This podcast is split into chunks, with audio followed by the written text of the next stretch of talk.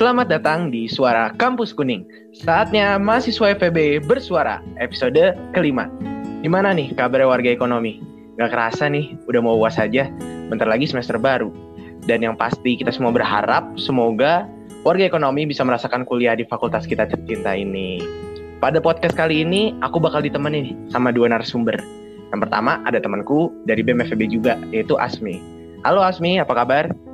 Yo, halo halo Bim. Baik Bim. Gimana Bim kabar kabarnya Bim? Wah, baik dong. Boleh nih Mi, kenalan dulu sama warga ekonomi. Oke. Halo semuanya, warga ekonomi. Uh, kenalin nama aku Ditya Azmi Ayasi. Aku dari uh, akuntansi Undip angkatan 2020 dan dari bidang Somalia. Mantap nih. Jadi kebetulan pada kesempatan kali ini kita mau berdiskusi nih tentang bagaimana lingkungan alam mempengaruhi kesehatan mental kita nih Udah cocok ya ini berarti bahasannya ya. Tapi masa iya ya? Emang ngaruh ya lingkungan sama kesehatan mental kita? Berat juga ya bahasan kita kali ini. Makin bikin penasaran aja nih. Berhubung pembahasan kita kali ini terkait soal kesehatan mental, pas banget nih. Aku juga udah ditemenin sama ahlinya, yaitu dari Fakultas Psikologi. Tepatnya salah satu fungsionaris BEM Psikologi. Langsung aja kita sapa-sapa dulu. Halo Yesa, apa kabar? Halo Bimo, baik banget. Bimo baik kan ya juga? Baik banget. Mungkin bisa perkenalan dulu nih sama warga ekonomi. Oke, halo semuanya. Aku Yesa dari Psikologi Angkatan 2020. Aku dari perwakilan BEM Psikologi Undip dari bidang pengabdian masyarakat. Mantap. Salam kenal Yesa. Sebelumnya, aku mau ngucapin terima kasih banyak nih kepada Yesa dan Asmi yang sudah mau berkolaborasi bareng SKK dan menyempatkan waktunya untuk ngobrol-ngobrol bareng kita di sini. Kita juga bakal ngobrol-ngobrol banyak ya kan? Gak apa-apa kan ya, Yesa, Asmi? Iya, gak apa-apa dong. Santai Bim. Terima kasih juga Bim, kita udah dibolehin nih mampir ke SKK gitu kan. Luar ya, biasa. Ya, boleh dong, boleh banget. Tenang aja. Mungkin langsung kita menuju ke bahasan yang berat ini kali ya untuk uh, kali ini aku jujur nih, nggak terlalu tahu soal masalah lingkungan. Kira-kira kondisi lingkungan saat ini menurut Yesa dan Asmi gimana nih? Oke, dari aku dulu nih ya. Ya, menurut aku sih buat lihat kondisi lingkungan saat ini sih nggak perlu jauh-jauh sih Bim ya. Kita bisa lihat sekitar rumah kita aja gitu. Kayak contoh kecilnya itu kayak uh, bintang itu udah susah terlihat itu, terutama di kota-kota besar gitu kan. Kayak udah tertutup sama polusi udara dan juga aku ada sungai dekat rumah aku tuh Bim aku lihat itu isi bukan air lagi itu kayak bak sampah raksasa gitu isi sampah semua. Oh, parah banget. Baunya minta ampun tuh Bim. Bisa dibayangin tuh baunya gimana kan? Astaga. Dan aku juga coba-coba baca gitu ya uh, di artikel-artikel. Dan Indonesia ini cukup memprihatinkan gitu buat uh, masalah lingkungan gitu. Aku lihat ini ada tiga kota di Indonesia yang masuk ke peringkat 10 dengan uh, predikat terburuk di lingkungannya yaitu ada Jakarta gitu kan. Di peringkat pertama dengan uh, polusi udara yang sangat buruk gitu kan.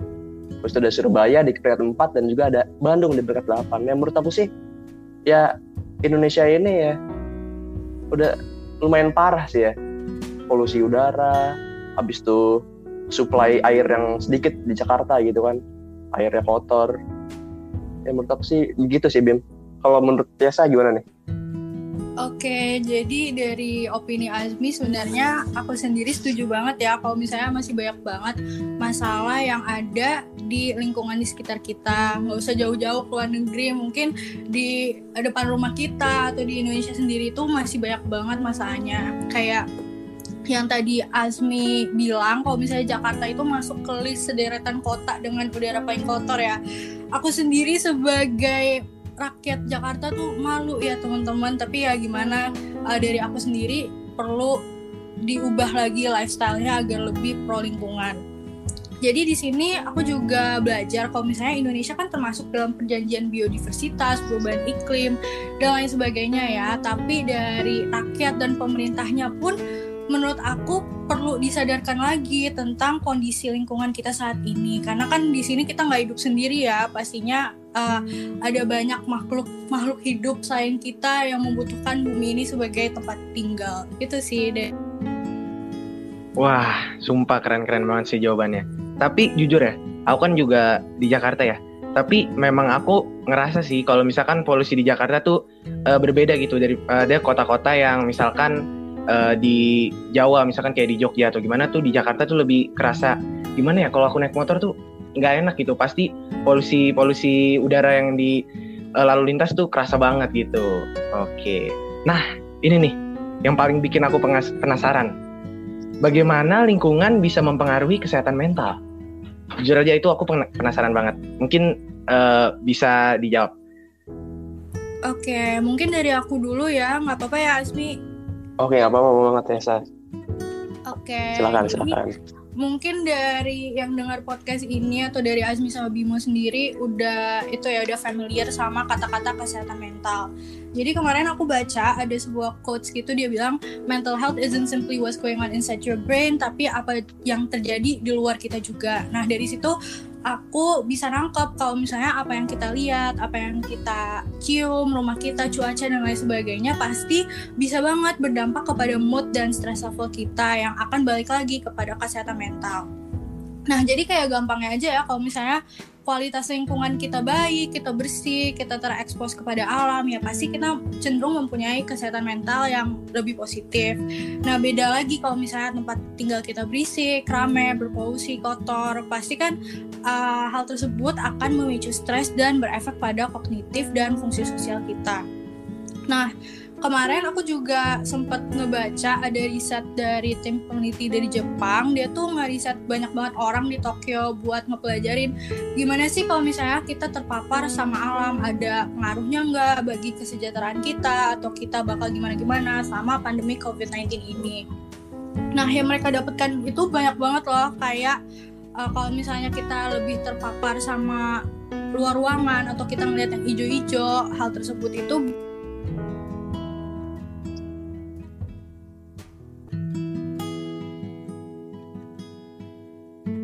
sebenarnya uh, karyanya Largo White dia bilang tuh kalau misalnya dia menemukan bahwa the biggest health benefit come from spending time physically in nature. Jadi kalau misalnya kita menempatkan diri kita di luar ruangan, kita terpapar kepada alam, hal tersebut bisa membuat kita rileks dan juga tenang. Gitu aja sih dari aku. Wah, Wah keren. Keren banget sih sumpah. Bener-bener hal sekecil itu bisa mempengaruhi kesehatan mental. Aku baru tahu sih. Bener mungkin dari dong. dari Asmi mungkin ada pendapat? Oh ya, uh, aku nih tadi setuju banget ya sama pendapatnya Esa gitu ya. Aku jujur, aku kalau ada di pedesaan gitu ya, ijo-ijo gitu kan, udaranya bersih, jernih, wah aku ngerasa rileks banget sih. Tapi kalau di kota itu, aduh harusnya jenuh, kayak sesek gitu kan. Dan juga ya selain kesehatan mental ini kita pastinya udah tahu gitu kan kalau pencemaran lingkungan itu berpengaruh pada kesehatan fisik gitu kan. Tapi emang masa iya sih kalau uh, polusi udara dan pencemaran lingkungan itu berpengaruh pada kesehatan mental. Nah aku nih baca nih dari kemarin nih ada artikel dari National Geographic dan ada tuh ilmuwan di Amerika dia nih uh, kayak meneliti kabupaten gitu dan kualitas udara yang buruk banget pokoknya dan ditemuin di kabupaten itu uh, ada peningkatan gangguan bipolar sebanyak 27% dan depresi sebanyak 6%. Gak hanya itu juga, uh, para peneliti itu juga lihat data uh, asuransi, klaim asuransi itu dari Amerika dan Denmark. Kemudian mereka menganalisis tuh dari data asuransi dan juga mereka menganalisis kualitas udara, air dan tanah dan ternyata emang benar. Uh, jadi uh, data polusi udara dan data gangguan bipolar di Amerika Serikat itu tumpang tindih yang artinya uh, polusi udara semakin naik, gangguan bipolar juga naik. Dan di Denmark juga ternyata mirip. Uh, data polusi udara, bipolar dan depresi itu juga tumpang tindih. Jadi ya menurut aku ya walaupun uh, masih belum jelas apakah uh, polusi udara dan pencemaran lingkungan itu berdampak langsung ke kesehatan mental atau enggak, ya sudah seharusnya kita melestarikan lingkungan gitu ya. Ya menurut aku sih itu sih opini aku. Mau nggak mau kita harus melestarikan lingkungan gitu kan. bener bener bener banget. Jadi uh, dari apa yang tadi disampaikan Asmi sama Yesa, menurutku pokoknya intinya kita tetap harus menjaga lingkungan dan berbagai data tadi yang sudah disampaikan oleh Asmi sama Yesa itu menurutku menunjukkan bahwa suatu uh, keadaan lingkungan itu bisa mempengaruhi kesehatan mental itu valid menurutku karena itu merupakan data-data yang sudah menurutku konkret lah. Nah, sekarang gimana nih solusi kita untuk membuat lingkungan menjadi lebih baik buat kesehatan mental kita? Oke. Uh, dari aku dulu kalian ya. Yes, nggak apa-apa, Yes. Boleh banget, silahkan. Oke. Ya, menurut aku sih balik lagi ke kita sendiri sih kalau buat solusi ya. Kita mulai dari diri sendiri dari diri sendiri dulu gitu. Kayak dari hal kecil. Contohnya tuh kayak membiasakan buang sampah dan membiasakan memakai kendaraan umum gitu kan. Ya jujur emang jujur itu emang susah sih. Aku emang uh, masih jujur aja kok masih ini masih suka buang sampah sembarangan masih sering pakai motor walaupun bahkan ke Indomaret dekat pun aku masih pakai motor. Tapi uh, menurut aku ya kita bisa bareng-bareng buat mengubah kebiasaan buruk itu gitu. Kita mulai bareng-bareng yuk. Menurut aku sih itu sih opininya. Wah bener. Bener banget tuh. Pokoknya dimulai dari diri sendiri. Kalau menurut Yesa gimana nih? Oke jadi menurut aku banyak banget ya hal-hal yang kita bisa lakukan nah pastinya kita harus menciptakan sebuah lingkungan yang nyaman buat kita sendiri biar kita makin kayak merasa di rumah gitu ya. Nah, hal pertama yang mungkin kita bisa lakukan yang paling gampang dulu nih mungkin bisa mengedukasi diri kita sendiri. Nah kan sekarang banyak ya kegiatan yang pro lingkungan, uh, platform-platform sosial dan lain sebagainya. Nah kita bisa banget follow, ikutin webinar dan lain sebagainya untuk meningkatkan awareness kita terhadap lingkungan. Lalu yang kedua kita bisa banget nanam pohon atau uh, kasih house plant tidak ruangan atau gimana.